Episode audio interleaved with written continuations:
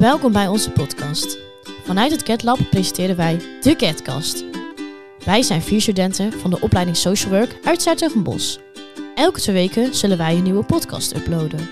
In een open gesprek bespreken wij interessante en actuele onderwerpen. Wij hopen dat jullie van onze gezellige en leerzame podcast gaan genieten. Veel luisterplezier! Hallo leuke podcastluisteraars. Nou, Anouk weer hier en nu ben ik weer met een ander duo. Dus samen ben ik hier met Sophie. Nou, Sophie, stel jezelf even voor alsjeblieft. Nou, hallo, ik ben Sophie. Ik ben uh, 18 jaar oud, nu eerstejaars uh, social work student hier op Avans Hogeschool. En uh, ik heb me dit jaar bij jullie aangesloten. Ja, gezellig Sophie. Nou, ik hoop dat je het heel leuk gaat vinden. Maar wat verwacht je eigenlijk van onze podcasten? Um, nou, natuurlijk dat we het gewoon leuk hebben met z'n allen. Maar ook uh, verwacht ik dat we, wel, dat we zelf ook wel dingen gaan leren vanuit de uh, dingen die we samen bespreken. Ja, top. Gezellig. Leuk. Uh, nou, we gaan eerst beginnen met het actueel nieuwsfeitje. Nou, ik was dus even tv aan het kijken, wat niet heel vaak voorkomt. maar toen zag ik ineens Amalia, hè, onze kroonprinses, heeft een boek uitgebracht. En daarin vertelt ze heel veel privé dingen over zichzelf. Um, bijvoorbeeld de band met haar zusjes, maar ook met haar ouders. Uh, wat me vooral opviel was zeg maar haar mentale gezondheid. Want ze vertelt heel veel dat ze um, af en toe eens één keer met een uh, psycholoog praat. Vooral omdat haar, um, uh, ja, zeg maar ook een prinses in haar familie zeg maar uit het leven is gestapt. Vanwege heel veel mentale problemen. En ik vond het eigenlijk wel heel uh, mooi en open hoe ze daarover vertelde. Dat zij het heel belangrijk vindt om uh, te praten over mentale gezondheid. Ik weet niet, Sofie, of jij het artikel hebt gehoord? Ja, ik, jij had het natuurlijk aan mij laten lezen. Je had het aan mij laten horen. En ik vond het wel interessant. Ik vind het ook wel goed dat er zulke dingen uitgebracht worden. Dat, we horen natuurlijk van alles over het Koninklijk Huis. En nu is het ook, ik vind het ook wel belangrijk dat we dan ook het leven vanuit Amalia zien. Want er wordt van alles over haar gezegd. Maar niemand weet eigenlijk hoe het daar echt in dat gezin allemaal verloopt, hoe haar leven eruit ziet. Nee, klopt. Ze is natuurlijk 18 geworden. Ze mag natuurlijk nu ook zelf bepalen wat ze wil. Dus ze, is natuurlijk, ze wordt nu echt kroonprinses, hè, want ze is 18. Ze wordt ook veel meer betrokken bij uh, de koninklijke familie. Maar ik vond het inderdaad wel echt heel mooi dat zij ook zegt van... er is nog steeds een taboe over mentale gezondheid. En vooral natuurlijk binnen het Koningshuis. Want het Koningshuis is natuurlijk een vrije privé, zoals jij al zegt. Dus ik vond het echt heel mooi. En ik vond het ook echt heel goed hoe zij dat bespreekbaar maakt. Natuurlijk uh, is het boek geschreven door Claudia de Brij. Uh, dat is ook een hele leuke vrouw. Dus ik denk ook dat het boek echt heel mooi geschreven is samen. Um, ja, verder. Ik vond het echt, ja, ik uh, zou het aanraden vinden, denk ik, voor de luisteraars die het boek uh, willen kopen. Het is echt een mooi boek, lijkt me. Um, even kijken. En dan gaan we verder naar het thema van de week. Want het thema van de week gaat over verslaving. Wil jij er iets meer over vertellen, Sophie? Ja, um, wij hebben hier nu iemand te gast die ons wat meer komt vertellen. Dat is, uh, daar, ik denk dat jij helemaal beter kan inleiden, is natuurlijk een oud-docent van jou. Ja, tuurlijk. Ja, Teun is uh, mijn mentor geweest vorig jaar en hij gaf LSW aan mij. Um, dus Teun, zou je jezelf even willen voorstellen aan de luisteraars? Ja, mijn uh, naam is Teun en Hollander. Ik ben uh, 36. Ik uh, heb zelf ook de, opleiding gevolgd die, die jullie nu doen. Um, en van daaruit ben ik altijd bij Novo de Kentron gaan werken in de verslavingszorg. Daar heb ik nou, pak beetje 13 jaar gedaan in verschillende functies. En een paar jaar geleden ben ik hier overgestapt naar, naar het vak van docent. Dus uh, vandaar zit ik nu hier. Ja, dankjewel Teun dat je er bent. Leuk. Ja, en, leuk uh, dat je er bent. Ja. Dank je. En uh, zou je ons iets kunnen vertellen over hoe het traject eruit ziet als een cliënt bij jullie binnenkomt? ja, um, kijk mensen, mensen nemen vaak heel lang de tijd voordat ze de stap nemen om daadwerkelijk naar, naar de hulpverlening te gaan. Dus jullie, in die zin was jullie artikel net een mooi bruggetje volgens mij dat... Uh, er, er, heerst ook heel, een heel groot taboe op verslaving en het toegeven dat je verslaafd bent. Um, en daardoor maken mensen pas heel laat de stap naar, naar hulpverlening. Um, daar zie je ook, uh, daar zie je dus ook bij Novo de Kantron, waar ik uh, gewerkt heb en nog steeds werk. dat, dat, het duurt vaak jaren voordat mensen daar naartoe gaan. Um, en dan uiteindelijk, als, je dan, als ze dan bellen, dan moet je eerst via de huisarts moet je daar naartoe, want het is tweede lijn zorg. Uh, als de huisarts je doorverwijst, dan kun je een afspraak maken en dan krijg je een intake. Uh, dus een intake houdt in dat iemand met je in gesprek gaat om uh, duidelijk te krijgen, hey, waar is nou precies aan de hand? Hoe zitten je problemen een beetje in elkaar? en van daaruit wordt er een behandeltraject voorgesteld. En dat is natuurlijk heel uiteenlopend afhankelijk van hoe jij in elkaar zit en hoe complex je problemen zijn. Ja, en wat voor verslavingen spreken we dan onder, Teun, die jij hebt meegemaakt zeg maar, binnen je werk? Eigenlijk, uh, eigenlijk uh, bijna alles. Um, seksverslavingen uh, gingen naar het GGZ, die gingen niet naar Novadik. Vraag me niet waarom, want dat is me nog steeds niet duidelijk eigenlijk. Ja. maar alcohol, drugs, gokken, gamen, dat soort dingen kwamen eigenlijk allemaal bij ons. Eetverslavingen of eetstoornissen worden vaak ook al apart behandeld. Daar heb je ook aparte klinieken voor. maar zo nu en dan zag ik ook wel eens iemand die ook bij ons kwam... Um, niet alleen vanwege een eetstoornis, dan wel vaak in combinatie met middelenverslaving. Ehm, maar dat zag je wel, uh, ook dat kwamen we af en toe wel eens tegen, zeg maar. Ja, dat uh, is namelijk wat wel veel mensen natuurlijk vergeten. Als het over verslaving gaat, dan denken mensen gelijk aan alcohol of drugs. Maar er zijn zoveel verschillende soorten verslavingen die je tegen kan komen. Ja, volgens mij kun je uiteindelijk overal aan verslaafd raken. Je? Het is meer uh, het idee dat als je iets doet, dat je daar een beter gevoel van krijgt. Of dat je even niet bij je ellende hoeft stil te staan. Uh, dat is volgens mij uiteindelijk waar je verslaafd aan raakt. Ja, ik heb ergens toevallig eh, een paar dagen geleden hoorde ik dat dat in uh, elk menselijk lichaam zeg maar zit wel een iets wat zich kan ontwikkelen tot verslaving. Dat er eigenlijk zoveel mensen zijn waarbij het kan ontstaan, maar bij sommige mensen ontwikkelt het zich echt tot uiteindelijk verslaving. Maar het kan iedereen zomaar gebeuren. Tenminste, dat is wat ik heb gelezen. Ik weet niet of jij daar ons meer over kan vertellen. Ja, ja, ik zat heel even te denken over wat je zei, omdat je met name zegt over het iets lichamelijks. Ik weet niet of het iets lichamelijks is. Nee, meer in je, gewoon wat in, ja, in je hersenen zit natuurlijk. Ja, uh, ik denk iedereen kan verslaafd raken. Uh, ik vond dat ook wel lastig toen ik net begon met mijn werk in de verslavingszorg, dus toen ik stagiaire was. Um, dan sprak ik, dat, dat, ik deed die intakes, dat was mijn stagetijd. En dan, dan hoor je zoveel verhalen van mensen en, dingen waarvan ik dacht, oké, weet je, hoe zou het dan zijn als mij hetzelfde zou overkomen? Mensen die dierbaren verliezen en dan hun werk verliezen en dan een relatie uitgaat en alles bij elkaar komt. Dan denk ik, ja, ik, ik kan je eigenlijk niet garanderen dat ik dan niet verslaafd zou raken. Ehm, dus dat, was, dat vond ik best wel lastig. Dat ik dacht van, oh, er is zoveel ellende in de wereld. En deze mensen maken het allemaal mee en raken dan verslaafd. En daar word je soort van angstig van. In ieder geval, daar werd ik in het begin, of onzeker heeft me wel een tijdje gekost om daar, uh, daar je, je, weg in te vinden, zeg maar. Ja, want hoe ga jij eigenlijk precies om met uh, je werk? Want het lijkt me best lastig, want ik heb zelf ook in de GGZ inderdaad met verslaafden gewerkt. Mm -hmm. En dat was maar een korte tijd. Maar hoe ga je daar precies mee om? Want jij weet natuurlijk niet hoe het is om een verslaafd te zijn, zeg maar. En, waar moet ik precies mee omgaan? Wat je vraagt dan? Uh, ja, hoe, hoe ga je om met, zeg maar, met cliënten die je dan binnen je werk hebt? Hoe ga je die goed begeleiden? Of hoe kom je soms tegen knelpunten aan? Hoe ga je daarmee om? Nou ja, in, in die zin is het, weet je, ik zeg altijd een beetje gekscherend, het zijn net mensen die verslaafden. Dus of je nou met studenten werkt of met verslaafden of met, in principe, je werkt met mensen en, en heel veel van de principes waarmee ik ook naar jullie toe werk hier als docent, werk je daar ook mee in het contact met, met verslaafde mensen. Um, dus het is, het is heel erg gewoon gezamenlijk kijken naar, goh, weet je, wat... Uh, wat, wil jij doen of wat heb jij nodig om te zorgen dat jouw leven weer op de, rit uh, komt? Wat kun je daar zelf aan doen? Wat kunnen wij voor je regelen? Uh, daar ga je met elkaar een plan voor maken. Um, waarbij bij het, het contact, de, de, band die je opbouwt, zeg maar, die, die staat wel centraal. Ja, is er ook zeg maar veel schaamte rondom? Uh, nog steeds verslaving binnen de, bijvoorbeeld binnen jouw werk?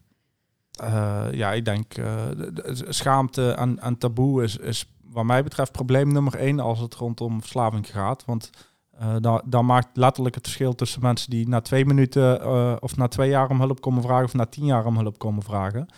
Uh, het zou eigenlijk net zo normaal moeten zijn om over een gebroken teen te praten als over verslaving. maar daar is het nog lang niet, helaas. En waarom denk je dat dat lastiger is om daarover te praten? Heb je daar misschien een verhaal over gehoord van cliënten die je dan hebt? Nou ja, er is natuurlijk nog heel veel onbegrip vanuit de maatschappij. Ook omdat een, uh, kijk, een gebroken teen, dat kun je zien. En als je het niet kunt zien, kun je er een foto van maken, dan kun je het alsnog zien. Maar dat kan niet met een verslaving of met psychische aandoeningen. Dus mensen weten gewoon niet hoe het in elkaar zit. Dan maakt het ook vaak heel onvoorspelbaar. Um, en daar ontstaan allerlei uh, maatschappelijke vooroordelen door. Ja, en die, die neem je gewoon over. Die nemen jullie ook over, die neem ik ook over. Dus dat, uh, daar, uiteindelijk zit daar dan iedereen mee. Ja. ja. Mensen vinden het dus inderdaad moeilijk om het aan te geven. Heeft u misschien tips om het aan te kaarten waar hoe mensen er iets aan kunnen doen? En uh, hoe gaat u daar dan mee om als hulpverlener? Nou ja, ik denk, uh, zoek eerst iemand die, uh, die je vertrouwt. Dat is het allerbelangrijkste om te kunnen vertellen. Dat hoeft niet noodzakelijk iemand te zijn die meteen heel veel verstand van zaken heeft. Maar iemand waarvan je weet, hey, als ik dit vertel, die zal, het, die zal mij als persoon gewoon nog steeds accepteren. Um, ja, en, en ergens is het, weet je, hoe dan ook, het blijft een drempel over. Dus uh, ja, daar kun je, daar kun je, sommige dingen kun je niet makkelijker maken. Dat moet je op een gegeven moment gewoon doen. Um, dus uh, weet je, bespreek het met één iemand en, en uh, doe wat nodig is om over die drempel te komen. Zet jezelf daar overheen, want dat wordt niet makkelijker. En dan wordt ook niet makkelijker hoe langer je daarmee wacht. Um, dus het, het doen, echt het gewoon bespreekbaar maken met iemand. En denk je dan bijvoorbeeld aan vrienden of familieleden of ja. uh, echt vertrouwenspersonen die jij binnen je kring hebt dan, zeg maar? Ja, dat kan. Dat, dat is misschien de meest voor de hand liggende opties. Uh, er zijn uh, allerlei vertrouwenspersonen ook vaak als een bedrijfsarts waar je het erover mee kunt hebben op je werk. Ja. Um, en je zou altijd eens kunnen kijken bij lotgenoten contactgroepen. Die zijn door heel Nederland op iedere dag van de week zijn die ergens wel te vinden. Um, en daar halen mensen heel veel steun uit, omdat je weet dat daar mensen zitten die begrijpen wat je doormaakt. Of die begrijpen wat het is om verslaafd te zijn. Ja, en heb je bijvoorbeeld ook tips? Want wij zijn natuurlijk allemaal aankomende sociaal werkers en onze podcast is ook vrij sociaal eh, gerelateerd. Uh, heb je bijvoorbeeld ook tips voor ons om hoe het is om met mensen verslaafd om te gaan? Of bijvoorbeeld als je in je vriendengroep ziet dat iemand verslaafd is, ja, hoe kan ik daar zeg maar, hoe kan ik daar iemand bij ondersteunen? Um, ja, ik, ik ben nooit zo heel grote fan van. Uh, jullie hebben misschien wel eens die uh, programma's op tv gezien waarbij ze mensen dan echt confronteren. Ja. Um, met uh, Jimmy Geduld bijvoorbeeld, even de naam kwijt van het programma. Maar, um, ja, ja, dat heet gewoon verslaafd, heet dat inderdaad. Ja, ja. ja in, zo'n interventie, zo noemen ze dat. Ja, hè? ja ik, ik ben daar niet zo fan van, want als um, mensen voelen zich dan heel erg onder druk gezet. En dan krijg je sociaal wenselijke antwoorden die, waar mensen uiteindelijk dan toch op terugkomen. Uh, volgens mij is het enige wat je echt kunt doen, gewoon je zorg uitspreken en, en uh, zorgen dat je het contact houdt, hoe moeilijk dat ook is. Want iemand neemt zelf misschien afstand of uh, um, reageert niet op je berichtjes of weet ik het wat. om toch proberen te laten zien van, hey, weet je, als, als het nodig is, dan ben ik er voor je. En verder kun je je zorg uitspreken van, hey, goh, ik maak me zorgen, volgens mij gaat het niet goed met je. Kan ik iets voor je doen? Kan ik je helpen? echt in die hoek. Dus dan dan confronteer je wat zachter dan, dan je op die tv-programma's ziet. Ja, top. Ja. Ik vind het ook wel inderdaad heel mooi hoe je dat vertelt, zeg maar. Dat je uh, ja, echt naar de persoon zelf moet kijken. En niet naar wat mensen of de maatschappij zeg maar. Dat je echt gericht op de persoon moet kijken hoe iemand is. Dat heb ik zelf in mijn werk inderdaad ook wel uh, meegemaakt. Mm -hmm. Dus dat vind ik inderdaad wel een mooi uitgangspunt. Maar ook denk ik qua vrienden, als je kijkt naar hoe jongeren zijn, zeg maar. Je gaat niet zomaar bepaalde gevoelens naar iemand uitspreken. Maar ik zou het bijvoorbeeld wel heel mooi vinden als ik iemand in binnen mijn familie heb en zie dat er iets aan de hand is, dat je het inderdaad ook wel gewoon bespreekbaar mag maken en kan maken. En dat er geen taboe meer over moet heersen. Ik weet niet hoe jij daarover denkt, Sophie. Ja, dat is inderdaad wel een uh, heel goed punt. Zelf merk ik ook wel, je hebt, tenminste, ik heb dan in mijn omgeving, zie ik ook wel eens mensen waarbij ik eigenlijk misschien wel door heb dat, uh, nou, verslaving is dan een groot woord, maar dat misschien wel die kant op neigt. En je durft er, tenminste, ik merk dat ik er zelf durf ik er niet gelijk over te beginnen. Dat vind ik gewoon moeilijk. Mhm. En je kan dat natuurlijk op een hele goede manier brengen, maar je confronteert iemand er wel misschien heel erg mee. En dat is misschien waar de meeste mensen dan bang voor zijn. Ehm, dus dat eigenlijk wel. Ja, en ik denk inderdaad dat het taboe er gewoon een keer af moet halen. Ja, iedereen heeft wel eens wat dingen in zijn leven meegemaakt wat misschien niet helemaal perfect is wat de maatschappij wilt. Maar ik denk dat het in het bespreekbaar maken al zeker heel belangrijk is. En vooral over verslaving. Ja, en, en de oordelen eruit halen. Hè? De gewoon open iets kunnen bespreken zonder dat je uh, meteen iets vindt van, van wat de ander gedaan heeft. Want verslaving is geen rationele aandoening. Dus mensen doen hele onlogische dingen. Um, en het enige wat je kunt doen is mensen proberen te begrijpen. Ja, want bijvoorbeeld vooral ja, een verslaving, zoals jij zei, komt niet per se voort uit alleen maar omdat iemand biertjes wilde kopen in de, in de Jumbo bijvoorbeeld. Maar dat iemand bijvoorbeeld heel, ja, heel achterliggende gedachten heeft waarom iets is ontstaan. En daar kijken volgens mij heel weinig mensen altijd naar. Want het gaat alleen maar, oh, die is echt een alcoholist. Maar wat is de problematiek erachter? Ik denk dat dat ook wel echt een goede boodschap is. Ja, ik ben nog nooit iemand tegengekomen in de verslavingszorg die zegt ik uh, ben recreatief gaan gebruiken en dat werd meer en meer en toen uh, in één keer was ik verslaafd. Dat, dat gebeurt eigenlijk niet. Er zijn altijd ingrijpende levensgebeurtenissen die mensen meemaken waardoor ze het gebruik niet meer in de hand kunnen houden. Um, en ik, ik durf eigenlijk wel te zeggen dat iedere verslaving eigenlijk niks meer is dan een ontsnapping uit de realiteit even niet meer, niet meer de pijn hoeven voelen die je voelt, of het verdriet of wat dan ook. Uh, of juist het heel erg zoeken van positieve dingen, juist een kick of uh, weet je, die adrenaline rush krijgen en dat zoeken in je verslaving. Uh, maar ook dat is een soort van ontsnapping van hoe je je op dat moment voelt. Dus het praten over gevoelens, en, eh, dat is super belangrijk. En volgens mij, als je dat snapt, dan snap je ook waarom mensen verslaafd kunnen raken. Ja, En denk je dan nu ook niet dat het in deze tijd erger is geworden? Doordat mensen natuurlijk veel thuis zitten. Mensen moeten veel thuiswerken. Je wordt wel heel erg, ehm, ja, hoe zeg je dat? Je wordt er wel gewoon echt ingedrukt, zeg maar. Heel veel mensen zijn alleen. En dan gaan ze, denk ik, kan ik me voorstellen, dan eh, in andere dingen zoeken. Ja, ik zag laatst de artikel, eh, niet, niet noodzakelijk specifiek over verslaving, maar wel over de GGZ, dat, dat de wachtlijsten nu echt de spuigaten uitlopen. En dat dat met name komt omdat er heel veel, of meer dan gebruikelijk jongeren zich aanmelden. Eh, de hele corona en thuiszitten heeft natuurlijk voor heel veel eh, eh, mentale problemen gezorgd. Ehm, en de verwachting is ook wel dat dat ervoor zorgt dat er meer mensen verslaafd raken. Ehm, echt cijfers daarover heb ik niet, dus ik kan je daar geen harde uitspraak over doen. Maar de verwachting is ook wel dat dat in de verslavingszorg wel voor extra drukte zorgt, ja. Ja, dus daarom is het denk ik juist het belangrijkste dat je er gewoon over gaat praten. Ondanks, want we zitten, leven nog steeds in deze tijd. En eh, zoals je weet, drugs kun je overal op straat kopen. Alcohol kun je overal op straat kopen. Gamen is helemaal hot, want iedereen heeft tegenwoordig een smartphone en alles. Dus ik denk inderdaad dat, zoals jij ook zegt, Teun, de boodschap is... voornamelijk ga erover praten. Zo- Zorg dat iemand in jouw omgeving waar je goed terecht bij kan... die dat hij dat weet, dat je er ook niet alleen voor staat. Want dat lijkt me ook heel zwaar. Maar dat je het voornamelijk eh, deelt met de ander, denk ik. Ja ik, ik denk dat we met z'n allen een hele grote stap vooruit kunnen zetten als iedereen in zijn leven één iemand zou hebben waar je alles mee kunt delen, inderdaad, ja. Ja, ja dat zou wel mooi zijn. Ja. Nou, dankjewel eh Teun voor eh, deze mooie verhaal en boodschap. Ja, heel erg bedankt. Ja, eh, Sophie, jij hebt eh, nog iets eh, voor ons eh, in petto, toch? Eh, ja, we gaan nu naar de aanbeveling. Ehm, ik heb namelijk, eh, ik had het toevallig in mijn mail, zag ik het voorbij komen.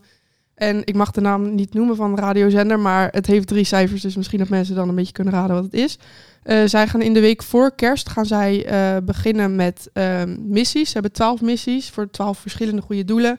Als er één behaald is, dan ehm, mogen ze beginnen met de volgende. En dat gaan ze gewoon aan één week aansluitend doen. Dan kan je bijvoorbeeld denken aan eh, Stichting Het Vergeten Kind. en dan willen ze zoveel mogelijk geld ophalen en andere dingen verzamelen. En dan is hun missie bij, die, eh, bij dat goede doel een buitenspeelterrein eh, maken voor de, verge- eh, de vergeten kinderen van Nederland.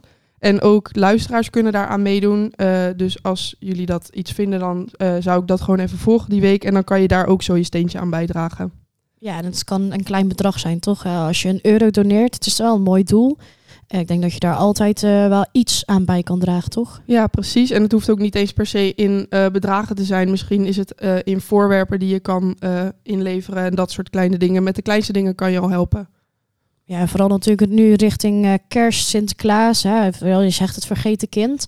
Dan, eh, hoe heet het? Het is natuurlijk heel belangrijk, hè, want Sinterklaas en kerst krijgen kinderen altijd cadeautjes. En ik denk dat vooral bijvoorbeeld het vergeten kind wel echt een, een hot item is nu. Want elk kind wil natuurlijk met Sinterklaas cadeautjes of überhaupt iets. En vooral vergeten kind, ja, die heeft dat minder. Dus ik denk dat het ook daarom echt een reden is om echt te gaan doneren. Want het is super belangrijk. Wie wil, welk kind wil nou ni- niet een cadeautje met die feestdagen, zeg maar. En als het dan niet gaat, is het lijkt me heel erg vervelend. Ja, precies. En dat is dan dus een van de twaalf missies. Je kan ook nog denken aan het Prinses Maxima eh, eh, ziekenhuis voor kinderen met bijvoorbeeld kanker. En eh, allerlei van dat soort goede doelen zitten er allemaal tussen. Dus het is echt wel waard om er naar te luisteren. En zo nodig. En als je dat wil, je steentje aan bij te dragen. Ja, dus draag je steentje bij, zou ik zeggen. Ja.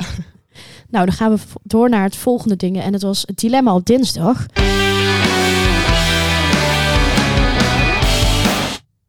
Nou ja, we hadden een dilemma, hoe heet het, uitgezet op de Instagram van het GitLab. Ik weet niet of jullie het hebben gezien, maar er hebben heel veel mensen op gestemd. Nu gaan wij eerst even een rondje met ons drieën doen. Wat wij nou hebben gestemd. Nou, Teun, we beginnen bij jou, want jij weet natuurlijk nog niet wat het dilemma is. Maar het dilemma was, flirten in de trein of flirten in de les? En waarom? Als docent kan ik moeilijk zeggen, flirt in de les natuurlijk, hè. Nou, dat mag ook gewoon hoor. Dus eh, doe dan maar in de trein, ja. En waarom? Ja, omdat ik anders eh, denk ik allerlei eh, ethische commissies achter me aan krijg als ik ga vluchten in de les. Ja, oké, dat zou kunnen. Maar, maar waarom per se in de trein? Ah, nee, helemaal niet in de trein eigenlijk. Ik vind het niet gemakkelijk. Maar ja, ik moest kiezen uit die twee. Dan is in de trein vind ik het minst ongemakkelijk van die twee. Oké. en Sophie, wat vind jij? Nou, ik vond het een lastige, want in, eh, in, de, in de les is gewoon ja, best wel ongemakkelijk natuurlijk. Je hebt gewoon een docent die daarvoor staat. En als mensen het doorhebben, het heeft toch iets ongemakkelijks. Maar trein vind ik nou ook niet echt ideaal of zo. Want toepasselijk dan op het thema van vorige week. eh, als meisje zijnde zelf heb ik best wel dat ik me eh, ja, aangevallen of zo kan voelen. Als iemand mij het gevoel geeft dat hij iets meer van me wil, wat ik zelf misschien helemaal niet wil. Dus daarom vind ik het een beetje dubbel. Maar ik denk dat ik toch voor de trein zou gaan, eh, inderdaad. Oké, ja. Nou, mooi. Ik zou zelf ook voor de trein gaan, want ik denk inderdaad, zoals de rest ook zegt in de les, je zit gewoon een heel jaar met die mensen in die klas en met je docent ook. Al wil je flirten met je docent, die kom je wel vaker tegen op school.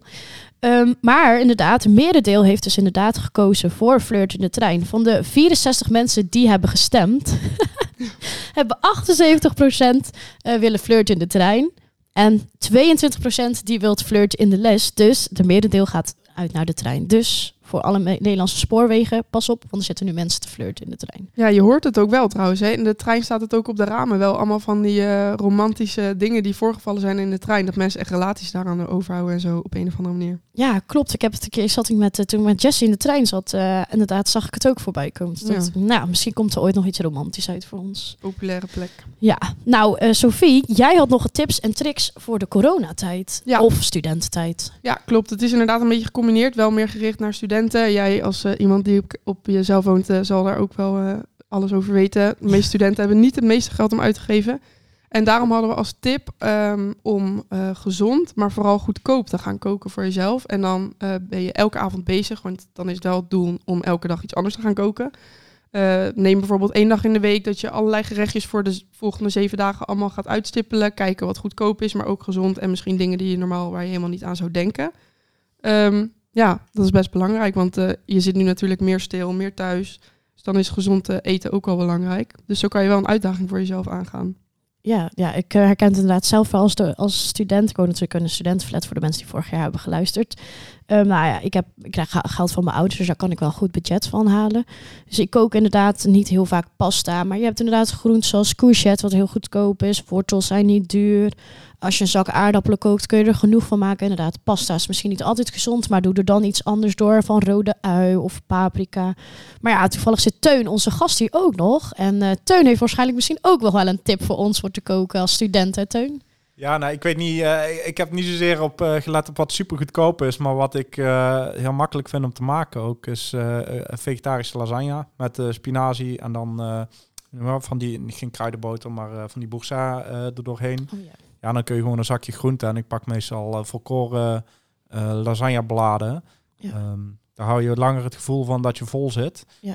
Ehm, en dan een beetje kaas eroverheen, eh, dan ben je eigenlijk zo klaar. Dus heel, eh, zeg maar 10 minuten voorbereidingstijd, half uurtje de oven in. En dan heb je een eh, makkelijke en lekkere maaltijd voor jezelf. Nou, Dat klinkt best lekker. ja, klinkt goed. Nou, we zullen Teuns recept, eh, hoe heet het, in de beschrijving zetten. Dus als je Teuns recept nog wil nalezen, dat komt dan eh, later op de Ik- site. Ik kan jullie bij wijze van vluchten uitnodigen voor, eh, voor een etentje.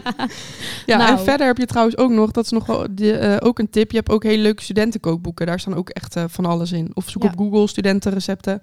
Dus er komt echt heel veel naar boven. Ja, klopt. Want ik was over laatst bij de kringloop. Daar heb ik een studentenkookboek gekocht. Dus heb je er nog wat lekkers in gevonden? Nou, ik heb het eigenlijk nog niet gekeken. De eerste bladzijde was hoe kook je een eind. Toen dacht ik, nou, dat weet ik nog wel. Dat, dat, ja, ik heb ook een schilderij in mijn huis hangen hè, van hoe kook je water. Want, sorry voor mijn huisgenoten, maar mijn huisgenoten zijn niet zo goed in koken. Dus toen zag ik bij de kringloop hoe kook je water. En dan gewoon in allerlei stappen. Ja, dat vond ik heel leuk. Dus die hangt daar nog steeds. Nou, leuk. Ja. Even kijken. Nou, dan zijn we denk ik bij het einde van onze podcast. Dan ga ik Teun nogmaals heel erg bedanken voor in onze podcast te zijn. Ja, hartstikke bedankt. En eh, gedaan. Sophie, leuk dat jij eh, voor mij een keer een duo wil zijn. Ja, ik vond het ook heel leuk. Nou, gelukkig. Nou, Sophie, ik ga nog even het gek, leuk, interessant, niet relevant weetje vertellen. Want Pizza Hut Delivery is de enige pizzabezorger die pizza bezorgt in de ruimte. Nou, vond je onze podcast superleuk? Volg en like ons dan op Spotify. En ga natuurlijk wel stemmen op onze poll op het GetLab Instagram. Tot volgende week!